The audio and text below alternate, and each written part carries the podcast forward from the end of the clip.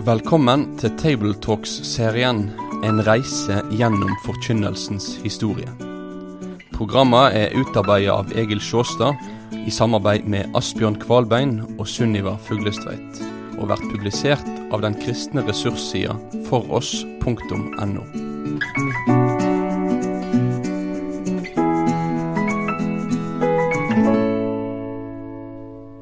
Ja, nå skal vi bevege oss fram i tid, da, til 1700- og 1800-tallet. På 1700-tallet slo pietismen, det vi kalte statspietismen, igjennom.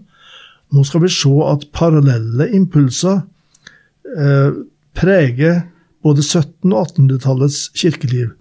Egentlig gjør de det gjennom hele kirkehistoria, men her skal vi hente fram ting som kanskje ikke så ofte blir nevnt. Uh, impulser fra ulike personer og bevegelser. Pietismen var nemlig ikke enhetlig. Den hadde ulike retninger. En av dem som sto i et særlig skarpt spenningsforhold til hovedstrømmen, var herrenhutismen. Den satte for alvor spørsmålet om frelsesvisshet på dagsorden. Pietismens saliggjørelsens orden kunne gjøre at troende tilhørere ble usikre på om de virkelig hadde en levende tro. Og presten Johannes Green, født i 1708 på Romerike, han fortalte om dette, dette om sin åndelige utvikling. Fra barns bena hadde jeg stor omsorg for min salighet, men jeg kom aldri til noen full visshet om min salighet. Årsaken var at jeg ikke hadde oppdaget denne hemmeligheten. Å søke salighet ene og alene hos min frelser og eneste saliggjører, Jesus, for hans lidelse, blods og dødsskyld. Jeg søkte i avholdenhet fra bevisste synder og la vind på å leve et ustraffelig liv. Men da jeg var i København, fikk jeg høre en del offentlige lærere og prester som igjen og igjen i sine prekener minte oss på veien til den korsfestede frelser. En gang da jeg var i tillitsfull, tillitsfull bønn til min dyre forløser, at han av nåde måtte gi meg visshet, da kom det en underlig levende trøst og kraft i mitt hjerte. I tillegg kom det så levende opp noen ord i hjertet, omtrent som om det var et svar fra Frelseren. Vær nå med godt mot. Nå skal du vel med mitt blod og evig fortjeneste være salig. Dette er altså herrenhutismens betoning. Fra å ha fokus på omvendelsens stadier rettes blikket mot det objektive, det Jesus har fullført, hans frelsesgjerning, ordet om korset. Men det er likevel et sterkt subjektivt element her, nemlig at en oppdager Jesu blods betydning, får se det, får en aha-opplevelse, kommer til tro på det. Selv regna Johannes Grien sin gjenfødelsesdag til 21. september 1741. Men ikke bare er betoningen en annen, hernutismens språkbruk er en annen. Uttrykk som Jesu blod og min dyre forløser, som vel var kjent hos alle, fikk her en sterk plass. Min grunn er Jesu blod, slik sang de i hernutismen.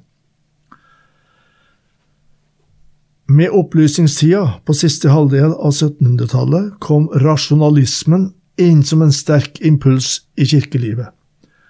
Det var en antidogmatisk, antibiblisistisk rasjonalisme som definerte kristendom som Gud, dyd og udødelighet. De sentrale dogmer ble ikke med på prekestolen til rasjonalistiske predikanter. Og en ville heller ikke vite av noen opphopning av bibelord. Prestene skulle være folkelærere. Et nesten brutalt eksempel er biskop Peder Hansen i Kristiansand rundt 1800. Han virka parallelt med Johan Nordahl Brun.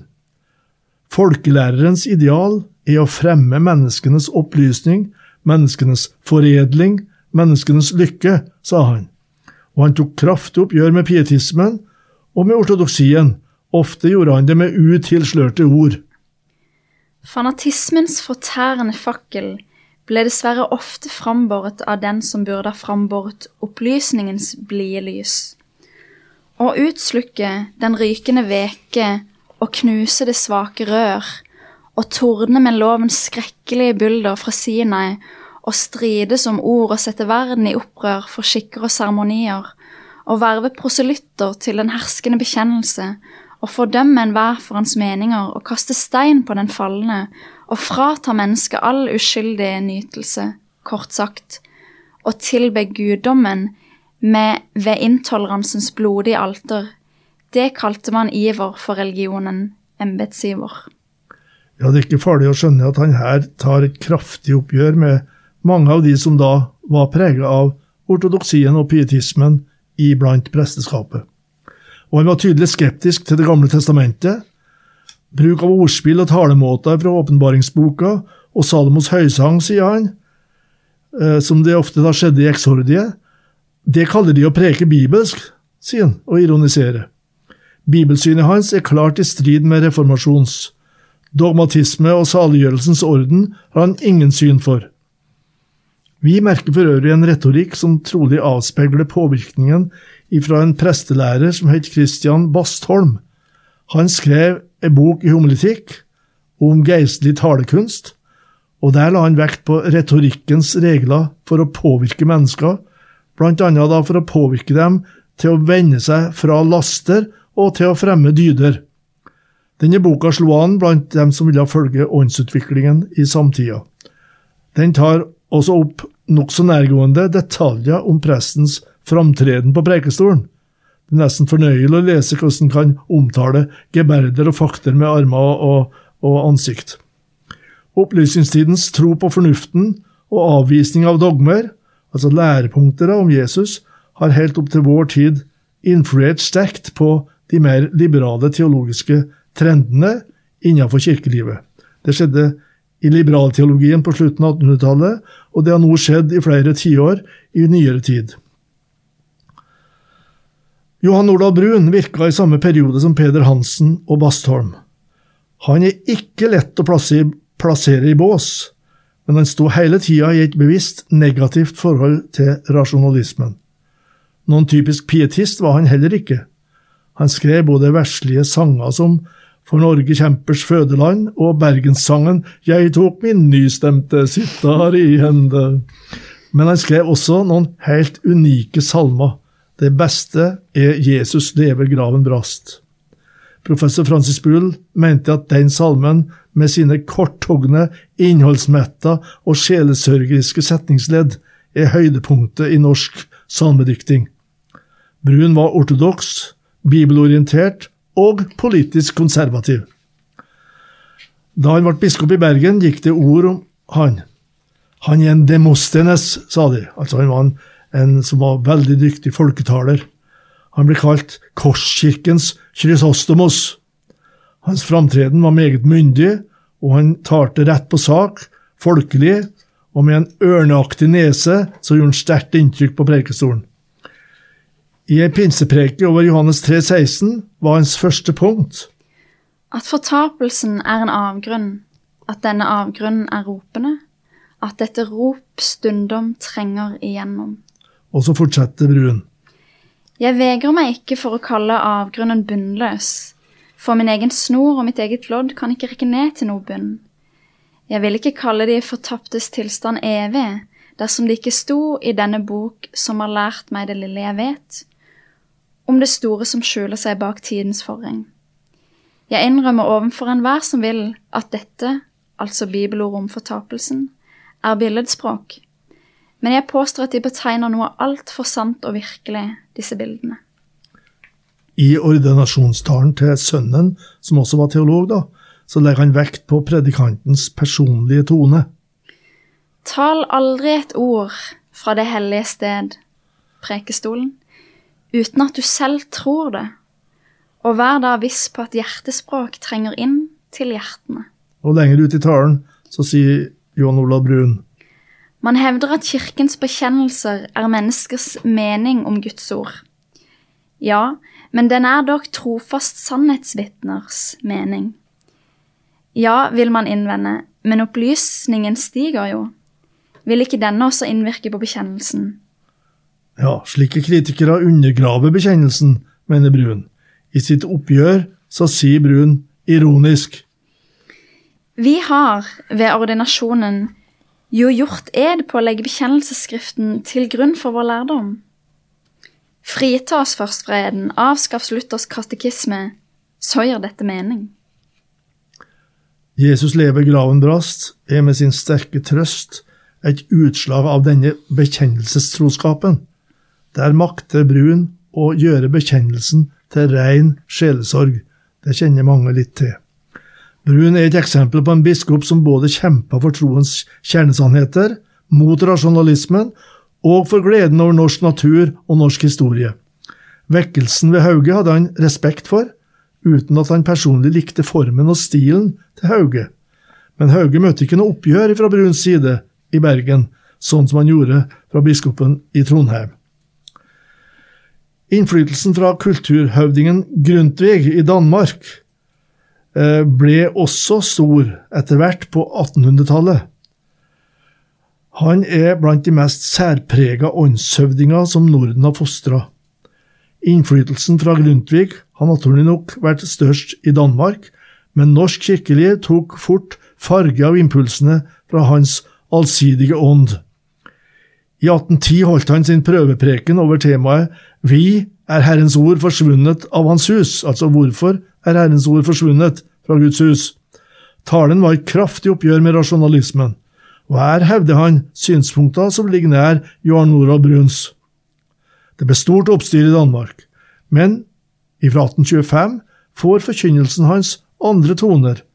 Nå har også Grundtvig for godt lagt bak seg det som rasjonalistene oppfatta som ortodoks biblisisme og livsfornektende pietisme. En revolusjon har funnet sted på det indre plan hos Grundtvig. Egil Elseth sammenfatter det slik. Hans studier i mytologi og historie, religion og filosofi var dypest sett rastløse forsøk på å erkjenne sannhet. Jeg skrover meg til klarhet, heter det i et brev.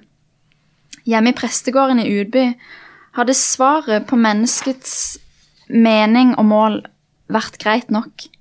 Mennesket var en pilegrim, livet en botsvandring og døden en befrielse. Men var dette hele sannheten? Det var det altså han satte spørsmålstegn ved, om den kristendom han har møtt gjennom Kingos salmebok og i den pietistiske ortodokse tradisjonen, er det virkelig sannheten, dette her. Fortsatt har han i sin forkynnelse og salmedikting en klart annen profil enn opplysningstidens fornuftstro. I salmediktinga hans kom det til uttrykk i en sterk vekt på frelseshistorien og de store begivenhetene der, som han viste allerede i 1810 ved å gjenfortelle og aktualisere beretningen om de vise menn i barnesalmen Deilig er den himmel blå. Grundtvig var og ble historieforteller, og denne fortellingsdidaktikken slår igjennom i forkynnelse og i hans salmesang. Unik er beskrivelsen av Davids rolle i frelseshistorien i salmen Det kimer nå til julefest. Hvor David gikk i unge år, som salvet drott og voktet får. Der åpenbarer Herren nå hva David kun i ånden så. Hva dunkelt fra hans harpe klang, forklares nå i englesang. Ved nattetid i hyrdelag forkynner engler Herrens dag. Linjene fra GT til NT trekkes tydelig opp i salmens progresjon. Men dette festet i Guds åpenbaringshistorie ble for Grundtvig annerledes enn for ortodoks og pietistisk kristendom. Kirkens gåte er nok et guddomsord, sier han, men her tenker han ikke primært på Bibelen. Bibelen er for Grundtvig ikke levende ord, men det skrevne ord. Han kunne også si det døde ord. For Grundtvig var bare den apostoliske trosbekjennelsen, Fader vår og innstiftelsesorda ved dåp og nattvær levende ord. Grundtvigianismen blir derfor en sammenblanding av bibelske tanker, historie, mytologi og gammelt tankegods. Et program for Grundtvig ble menneske først, kristen så og i sin allsidighet blir han en kirkelig forsvarer av menneskelivets storhet på skapelsens plan. Menneske først og kristen så. Kun det er livets orden. Strebe da var på denne jord sant menneske å være. Forkynnelse og salmedikting fikk ikke den inderligheten hos Grundtvig og det alvoret som hadde vært tilfellet hos Brorson og Pontoppidan, og ikke den forankringen i bibelordet som prega ortodoksien. Salmeskatten la tidligere en hovedvekt på synd og nåde. Og jeg er en synder stor, er all min navneære. Men bedre kan det ikke være når jeg hører lovens ord. Det var Brorson, altså, men Grundtvig trivdes ikke med den betoningen, sjøl om han ikke polemiserte direkte imot det. Han løfter fram påskejubelen, seieren, pinseilden, og han favna menneskelivet på en langt mer optimistisk måte. Han fastholdt grunntemaet i troslæren, men vektleggingen dreies bort fra arvesynd til skapelsesgleder, fra selvransakelse og religiøs inderlighet til hyllester av Guds virke gjennom historien og i vårt hverdagsliv. Haugianerne i Norge som har fryda seg over oppgjøret hans med rasjonalismen i 1810, ble nå skeptiske, og ifra nå av, på 1830-tallet, så var norsk kirkeliv prega av spenningen mellom haugianere og grundtvigianere. Jonsson, som vi senere skal skrive litt om, og høre litt om, han ble en slags teologiens fanebærer imot grundtvigianerne. Grundtvigs kulturåpenhet influerte både på kirke og samfunn, ikke minst på pedagogikken. Hva solskinn er for det store muld, er sann opplysning for myldets frende. Langt mer verdt enn det røde gull, det er sin Gud og seg selv å kjenne. Folkehøyskolebevegelsen og vekten på historien og på det levende ord, fortellingsdidaktikken, slo gjennom med Grundtvig. Men også den liberale teologi fant igjen noe av, si, av sin tenkning hos Grundtvig, og ettervirkningene på prekestolene var merkbare til langt opp i forrige hundreår. Og flere av salmene til Grundtvig ble fortsatt brukt både i kirker og bedehus, og blir det fortsatt nå. De har originale betoninger som kan feste seg og utfolde aspekt ved vår kristne tro som fyller en funksjon, og som på en måte sier ting annerledes enn det blir sagt i ortodoksien og pietismen. Med dette har vi vist at det ved de ulike stasjoner eller kirkehistoriske epoker var et mangfold av impulser som påvirka prester og lekpredikanter. En for sterk systematisering kan lett tilsløre dette faktum. Impulser fra pietismen, fra hernutismen, fra opplysningstida, fra grundtviganismen og enkeltpresters vekt på det objektive frelsesbudskap i Bibel og bekjennelse. Alt dette fløt sammen og påvirka til sammen mange. Takk for at du har vært med på denne reisa gjennom forkynnelsens historie. Vil du lese mer om temaet? Da kan du kontakte oss på postalfakrøllfoross.no for å bestille denne serien i bokform. Besøk òg gjerne foross.no for å finne flere aktuelle ressurser.